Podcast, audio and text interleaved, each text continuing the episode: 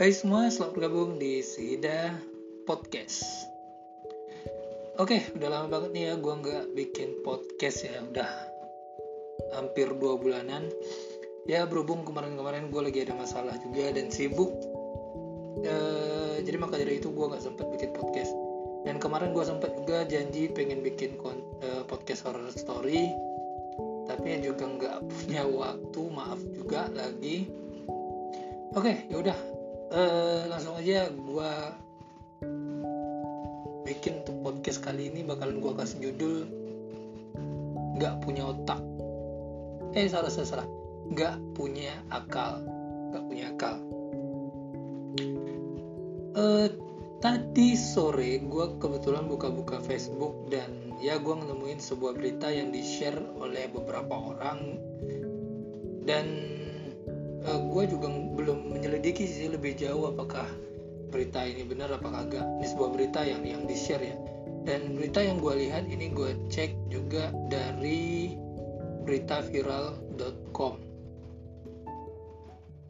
nah gue belum cek juga di website lain apakah ini beritanya benar apa kagak. Tapi uh, berhubung ini menarik untuk dibahas makanya gue bikin podcastnya Judulnya adalah seorang ibu siksa bayinya karena berisik saat dia lagi tidur.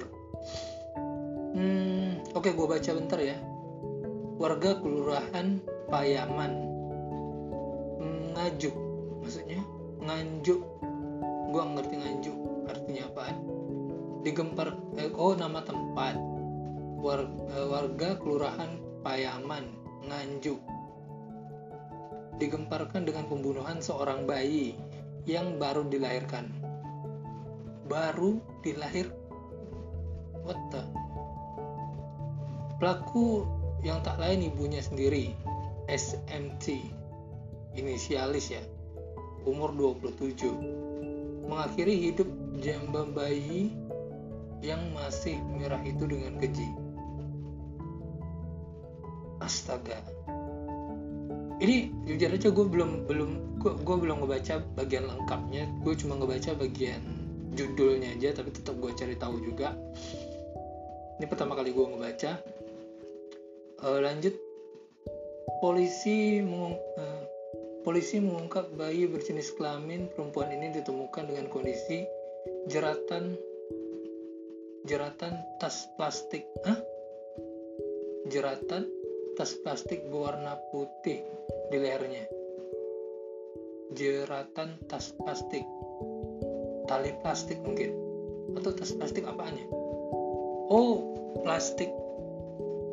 Plastik apa mungkin? Plastik belanjaan itu. Ini uh, ada ketera uh, pernyataan dari polisi saat kita saat kita temukan bayi itu udah ada jeratan tas plastik oh iya kresek benar-benar tas plastik atau kresek warna putih di lehernya dan sudah meninggal. Terang Kapolres meng, uh, terang Kapolres Nganjuk Nganjuk dari mana ya? AKBP Dewa Nyoman Nanta Wiranta aduh ini kacamata gue ke mana lagi? Kepada wartawan saat uh, rilis di kantornya Jumat tanggal 9 bulan 9 2019 oh berita lama udah lama juga beritanya. Kok baru di share sekarang sih? Jadi kejadiannya udah lama juga ternyata. Uh, tapi tetap aja bakalan gue bahas lanjut. Karena ya jujur aja hal-hal yang kayak begini sih kayaknya beritanya nggak bakalan pernah berakhir ya. Karena kemarin-kemarin juga ada kejadian juga. Ya makanya gue tertarik pengen ngebahas setelah gue ngelihat uh, postingan ini.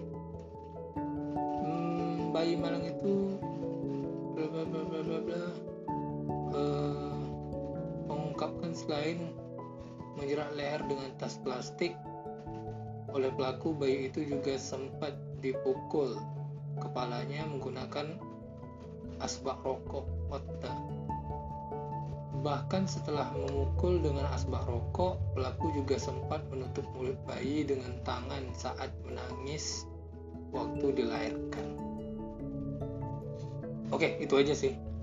uh, yang bisa gue sampaikan karena panjang banget ini informasinya panjang banget hmm.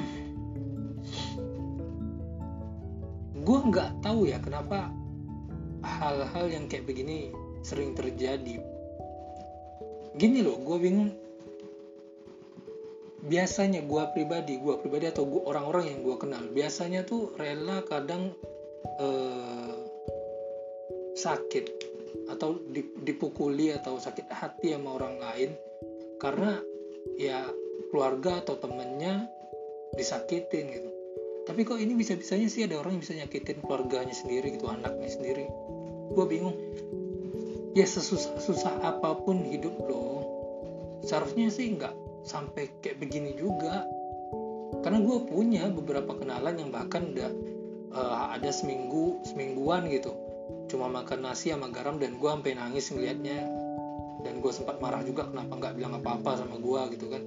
Ya seenggaknya kalau gue ada uang kan gue bisa bantu. Ini malah uh gue bingung semua bingung gue jadi aja ini bukan bukan berita yang cukup gimana ya? Bukan berita yang jarang sih udah sering banget ya kejadian kayak anak uh, orang tua ngebunuh anak bahkan ada juga anak yang ngebunuh orang tuanya. Ya ya begitulah gue juga bingung ada apa dengan zaman sekarang ini. Apa kebutuhan apa karena kebutuhan gitu atau karena emosi gitu ya sebab kemarin sih udah gue bilang juga sih eh, podcast kemarin kan tentang batas kesabaran ya kesabaran orang kita nggak tahu kenapa. Eh kesabaran orang kita nggak tahu batasnya di mana. Tapi ya sampai ngelakuin hal-hal goblok kayak begini sih hmm, gue juga bingung sih kok bisa gitu. Uh, kadang gimana ya untuk menghadapi yang namanya hidup? Hidup itu pasti sulit hidup ini dunia ini tempat ujian tempatnya ujian. Jadi kalau seandainya nggak tahan dengan ujian yang ada ya gimana lagi? Kalau nggak tahan ya mau nggak mau harus tahan lah. Ya mau bunuh diri yang belum bukan penyelesaian masalah juga bunuh diri. Karena jujur aja gue sempat juga sih depresi separah parah banget gue depresi bahkan teman-teman gue juga tahu. Dan pada saat itu gue sempat memendam emosi gue uh, dan jujur aja gue kepikiran untuk ngelakuin hal-hal yang jujur aja gue bilang bego banget sih. Ya mungkin kalian tahu lah apa yang gue maksudkan. Tapi di sisi lain uh, setelah gue ngumpul sama teman-teman gue gue ceritain setiap masalah yang ada ternyata dengan menceritakan masalah yang gue alami cukup mengurangi depresi gue cukup mengurangi tekanan dalam hidup gue jadi maka dari itu sih gue belajar kalau ternyata masalah itu nggak harus dipecahkan terlebih dahulu gitu. Kalau kalau kalian punya masalah gitu nggak usah. Jangan jangan berpikir sendiri. Jangan berpikir sendiri untuk memecah, memecahkan masalah kalian. Coba ceritakan aja ke teman atau ya orang-orang yang kalian percaya. Ingat ke orang-orang yang kalian percaya jangan sembarangan orang karena jujur aja ya nggak semua teman itu bisa dijadiin teman ngobrol. Jujur aja gue gue pribadi sih gue punya banyak teman teman gue banyak. Cuman balik lagi ya nggak semua temen gue sih yang bisa diajakin ngobrol eh, maksudnya diajakin curhat gitu. Ada beberapa kadang waktu gue ajakin gue curhat gitu malah ngetawain gue malah ya ya kayak begitu mungkin kalian juga pun juga punya teman yang kayak begitu yang malah main-main sama apa yang sampaikan gitu kan. Tapi ada beberapa teman juga yang ya emang bisa untuk dijadikan tempat curhat. Yang mana kalau seandainya dia bisa memberikan solusi ya dia bakalan kasih. Tapi kalau seandainya nggak punya solusi ya seenggaknya dia bilang ya udah sabar aja gitu. Dan ya temannya kayak begitu cukup sulit sih untuk dicari. Karena kebanyakan sih ya yang namanya temen ya hmm, lebih sering uh, lebih gampang mencari teman untuk bercanda gitu. Teman-teman yang untuk diajak bercanda lebih lebih gampang dicari daripada teman-teman yang diajak untuk bercerita gitu. Ya tapi memang kayak gitu sih. Dan jujur aja gue pribadi hmm, udah begitu gue mulai kuliah sampai sekarang jujur aja tekanan hidup mulai terasa ya pastilah kita udah pikir gimana cara cari uang atau dan segala macamnya tentang kehidupan. Tagihan sana tagihan sini maksudnya tuh tagihan listrik gua nggak punya gua nggak punya apa juga. Kredit kredit barang atau utang juga tapi ya kayak mikir-mikir ya uang makan dan segala macamnya. Gue belajar hidup mandiri juga dan ya mulai tertekan juga sama hidup gue yang ada gitu. Tapi ya berhubung karena gue punya temen teman-teman yang mau dengerin gue ya walaupun seandainya mereka nggak bisa kasih solusi tapi mereka bisa bikin gue tenang ya alhamdulillah. Dan ya gue santai-santai aja sih sekarang untuk menjalani hidup. Ya kalau seandainya emang ada rezeki ya alhamdulillah. Kalau yang kagak ya kagak. Tapi pastinya tetap usaha harus ada. Dan ya mudah-mudahan sih di kehidupan gue gue nggak bakalan ketemu sama orang-orang yang bakalan ngelakuin hal kayak berita yang gue baca ini. Kadang gimana ya gue beranggapan sih gini uh, orang-orang yang udah menikah itu kayaknya ini ini maaf, maaf ya maaf maaf. Kebanyakan orang-orang di Indonesia ya kebanyakan orang-orang di Indonesia alasannya kenapa? Karena gue juga sering sih ngeliat postingan di, di Facebook itu yang lahiran tahun segini tahun segini tahun segini kok belum nikah gitu maksud gue eh, bahkan tahun kelahiran gue juga ditulis di situ tahun 2000 uh, eh, tahun 1000 uh, tahun se, 9 94 95 96 97 98 kok belum nikah nikah gini gini gini. Oh, pokoknya kata-katanya kayak menghina gitu kan. Banyak yang nge-share juga kayak begitu. Dan gue pikir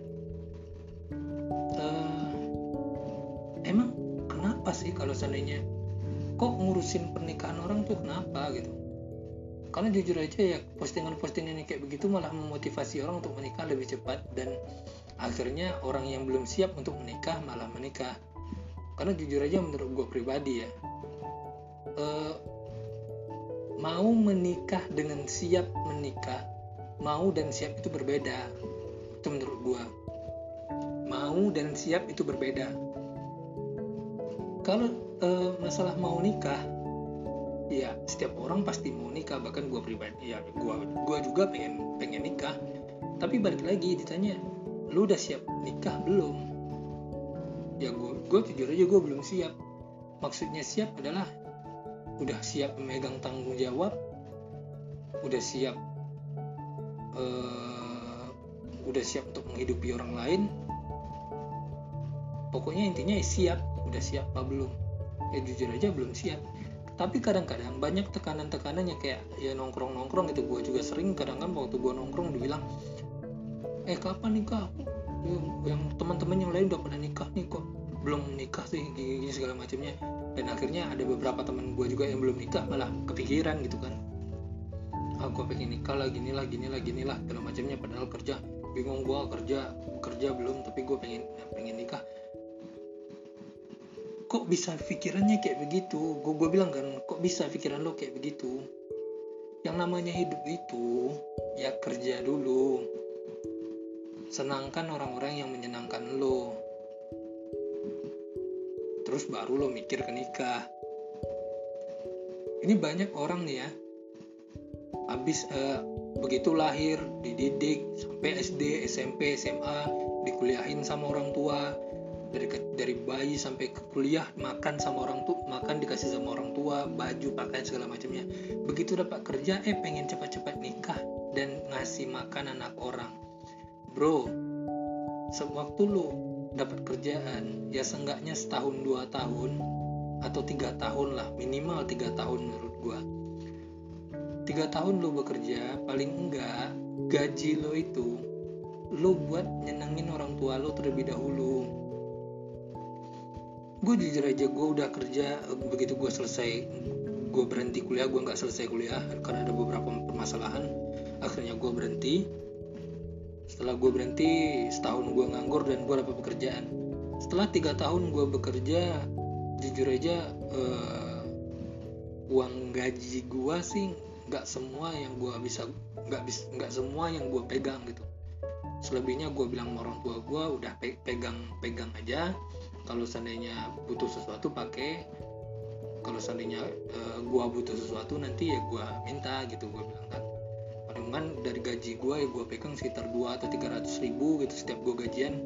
Terus uh, lebihnya ya gue kasih tahu gue kasih ke orang tua gue gitu.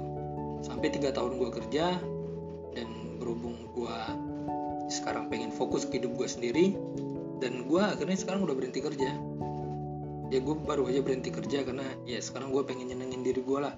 Karena kemarin-kemarin kan gue hmm, kepikiran gimana caranya nyenengin orang tua gue jadi gue ya kerja apa yang gue bisa. Sampai kemarin sih gue kerja sih eh, nggak uh, punya kayak nggak punya SK kerja ya. Jadi hmm, jadwalnya nggak jelas. Maka dari itu jujur aja gue tertekan sih rada tertekan kerja di sana. Karena ya kayak gue security gitu gue masuk masuk dari jam 6 sore dan gue pulang jam 7 pagi. Terus siang kalau seandainya kantor lagi sibuk uh, dan gue dipanggil ya gue harus datang. Jadi waktu kerjanya nggak jelas. Terus nggak ada uang lemburnya juga. Jadi maka dari itu ya udah tiga tahun berhubung gue pikir juga kan nyari kerjaan susah ya udah gue bertahan aja sampai tiga tahun. Gue bisa nyenengin orang tua gue gue bisa beliin ya serba satu lah baju satu e, celana satu jilbab satu terus ya udah gue berhenti. Sekarang gue mikir ah, gue pengen ngelakuin apa yang gue suka aja. E, kayak ya bikin podcast gini terus gue berkebun juga. E, eh, gue juga bikin konten di YouTube. Ya kalau kalian pengen mengunjungi channel YouTube gue e, namanya Sihida Channel. Di situ gue bikin konten tentang game terus ya misuh-misuh juga kayak podcast gitu. Tapi pastinya ada tampilan Facebook, Instagram atau Twitter yang bakalan gue tampilin tentang berita-berita yang uh, menarik sekiranya yang bisa gue bahas hampir sama kayak podcast. Terus juga uh, tentang olahraga yang mana sekarang gue lagi kegemukan kan? Jadi gue pengen nurunin berat badan dan gue bikin aja kontennya. Dan ya jujur aja sekarang gue juga mikir sih karena keuangan gue juga sekarang lagi kritis karena gue baru aja berhenti kerja kerja yang lain gue belum kepikiran juga tapi masih ada masih usaha juga sih. Ya intinya gue jangan gue nggak bakalan menyerah gitu. Nah uh, dari cerita gue tadi ya gue berharap sih bagi kalian yang ngedengerin podcast gue juga mikir gitu. Mikir sebelum ngelakuin sesuatu itu mikir. Karena kita punya otak itu bukan cuma untuk menggerakkan tubuh aja. Karena kan ya kalau kita menggerakkan tubuh kan sumber sumbernya kan responnya kan dari otak tapi otak juga punya fungsi yang lain yaitu untuk berpikir. Ya. Itu aja sih. Eh udah jauh sih ngobrol ngomongan gue udah jauh banget sih. Eh tapi ya udah nggak apa. Lanjut aja. Karena udah nanggung juga nih waktunya udah 18 menit. Kalau seandainya gue uh, eh, gue bagiin gue jadiin satu jadiin satu podcast nanggung sih. Karena pendek jadi udah gue bakalan jadiin dua podcast aja. Nah langsung aja gue bahas ke hal yang lainnya.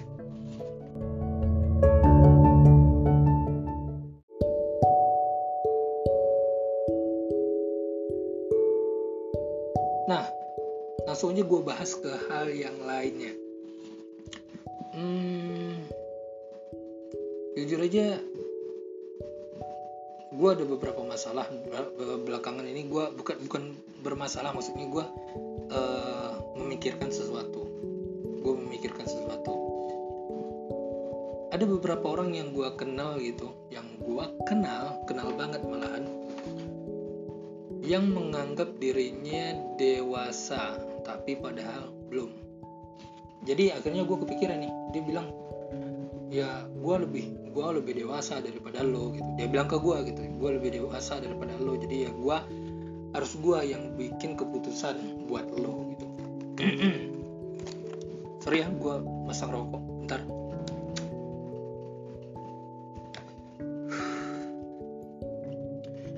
nah padahal eh, apa yang dia bikin itu di akal sama sekali terus akhirnya gue mikir mikir mikir kok bisa bisanya orang kayak begini orang dengan umur yang segitu kok bisa bisanya kayak begini? Sampai akhirnya gue kepikiran bahwa ternyata ya kita kan dalam hidup ini kan ada fase-fase kan yang disebut waktu bayi bayi setelah bayi anak-anak setelah anak-anak remaja setelah remaja dewasa setelah dewasa baru eh, apa? Masa remaja terus masa tua dan jujur aja menurut gue masa yang paling singkat itu adalah masa dewasa sih menurut gue karena gini ya setelah gue pikir-pikir gitu masa bayi adalah fase di mana kita belum bisa ngelakuin apa-apa sendirian. Emang semuanya harus dibantu sama orang lain cara pakai baju dan segala macamnya itu disebut masa bayi. Terus e, masa kanak-kanak masa kanak-kanak menurut gue yang mana kita udah bisa e, melakukan apa pun sendiri tapi tetap dengan bantuan orang lain. Kayak kita bisa makan sendiri tapi nggak bisa masak sendiri. Harus dimasakin. Terus kita bisa pakai baju sendiri tapi ya kita nggak bisa beli baju. Karena ya baju harus disediain sama orang tua gitu.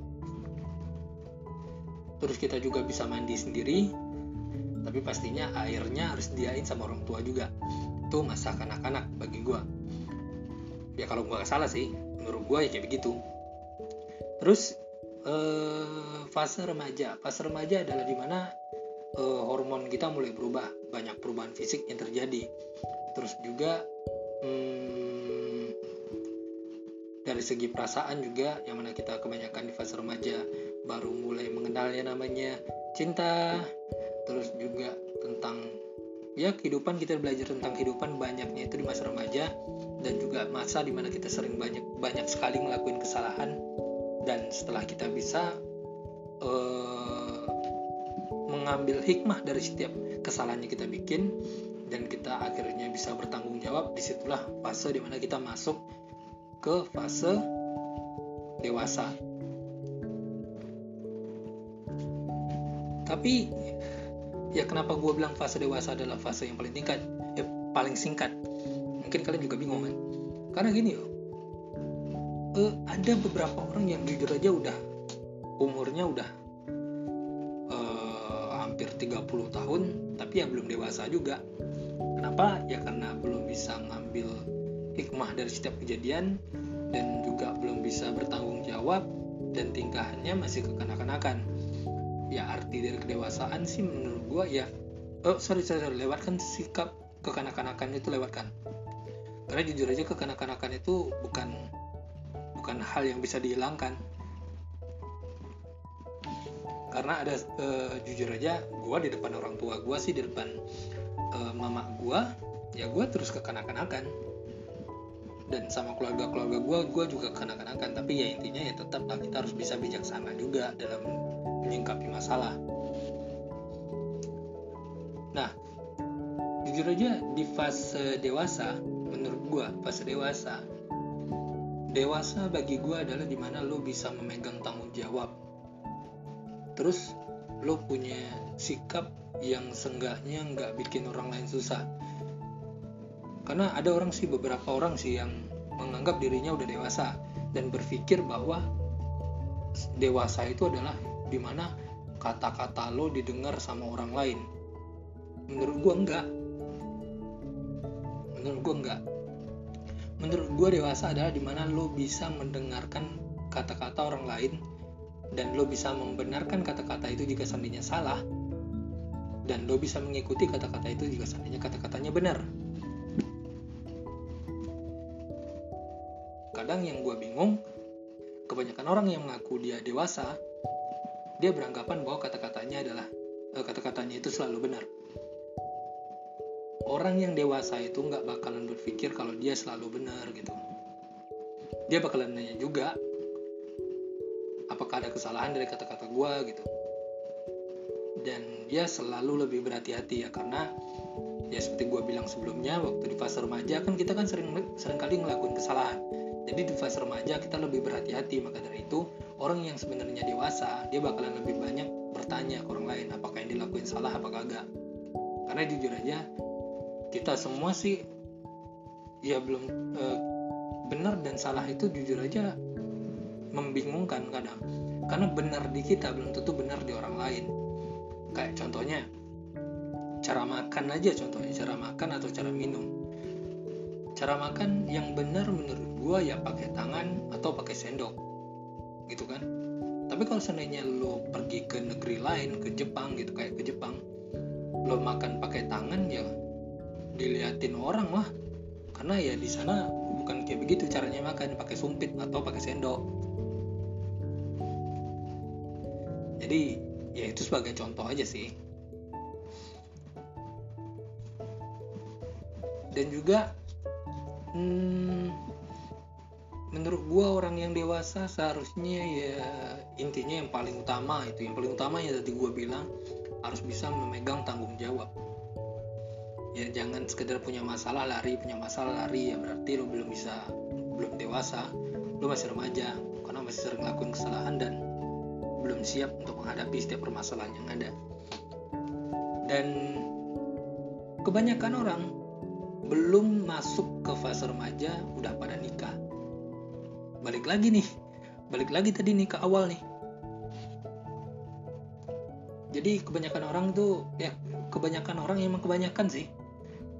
Kebanyakan orang itu menikah waktu mereka masih dalam fase remaja belum dewasa. Pikirannya masih nggak karuan masih selalu bikin salah. Tapi ya karena omongan orang kapan nikah kapan nikah ya akhirnya nikah gitu ya dulu gue jujur juga gue sempat kepikiran juga sih. Dengan kalimat-kalimat orang yang bilang kapan sih nikah? Kapan sih nikah? Nggak laku laku ya nggak laku laku ya bla bla bla bla segala macamnya. Kok jomblo sih? Gini gini gini gini gini. Dan kata-kata hinaan lainnya. Dan gue cuma bisa ketawa gue cuma bisa ketawa karena ya orang-orang yang ngomong kayak begitu belum tahu arti hidup yang sebenarnya itu kayak gimana ya hidup kita itu ya nggak selalu untuk kita aja. Hidup kita itu untuk orang lain juga. Setiap apa yang kita lakukan itu punya impact ke orang lain. Kayak seandainya kita ngelempar batu di jalan ya menurut kita sih nggak ada apa-apanya. Tapi bisa bisa bisa aja kalau seandainya orang naik motor gitu ternyata batunya itu runcing orang naik motor banyak botak terus kelindes dan banyak meledak orangnya jatuh ya jadi kan punya impact sendiri juga gitu kan. Atau seandainya kita melempar batu ke laut terus kena bagian kapal atau seandainya eh bagian kapal terus kapalnya pecah atau kayak gimana ya ini kan contoh aja gitu. Ya intinya setiap yang kita lakukan itu punya impact ke orang lain. Jadi ya hati-hati. Dan ya maka dari itu menurut gue banyak banget orang yang nikah akhirnya ngelakuin banyak banget kesalahan bahkan begitu punya anak kasar sama anak atau kayak ya biasalah biasa eh, kebanyakan sih ada beberapa uh, nggak kebanyakan sorry sorry ada beberapa orang yang gue kenal cewek gitu yang nikah kan ada beberapa pengaruh hormon ya setelah melahirkan gitu cewek cewek itu terjadi perubahan perubahan pada tubuh cewek yang mana kadang berat badannya mungkin bertambah atau wajahnya mungkin timbul bintik-bintik itu karena efek dari melahirkan kan ada juga yang kayak begitu kan. Dan akhirnya dia menyalahkan anaknya karena ya gara-gara gara-gara punya anak nih gue kayak begini tampang gue jadi jelek bla bla bla bla bla segala macamnya. Kan tolol kan? Tolol. Jujur gue ketemu sama orang kayak begitu gue ketemu. Ini gara-gara punya anak nih gue nggak mau lagi punya anak bla bla bla bla. Astaga itu dalam gue nggak gue nggak mau ngomong kan. Gue nggak mau ngomong ya tapi dalam hati gue juga ngomong dalam hati doang sih. Gue bilang ya gak bersyukur apa ya dikasih Tuhan anak. Ya maaf aja kalau seandainya ada kesalahan ada perubahan pada tubuh lo kayak seandainya timbul bintik-bintik di wajah atau naiknya berat badan kan berat badan gak bisa diturunin. Ya kayak gue sekarang gue lagi parah juga berat badan gue udah 98 kilo hampir 99 kilo. Ya gue usaha pengen nurunin berat badan. Kalau masalah wajah lo tumbuh bintik-bintik ya obatin lah obatin. Karena ya banyak orang yang kepengen punya anak tapi nggak punya punya syukuri apa yang dikasih sama Tuhan. Itu makanya gue bilang gue selalu bilang ya orang punya orang berak orang berotak itu berotak. Orang yang punya otak belum tentu punya akal.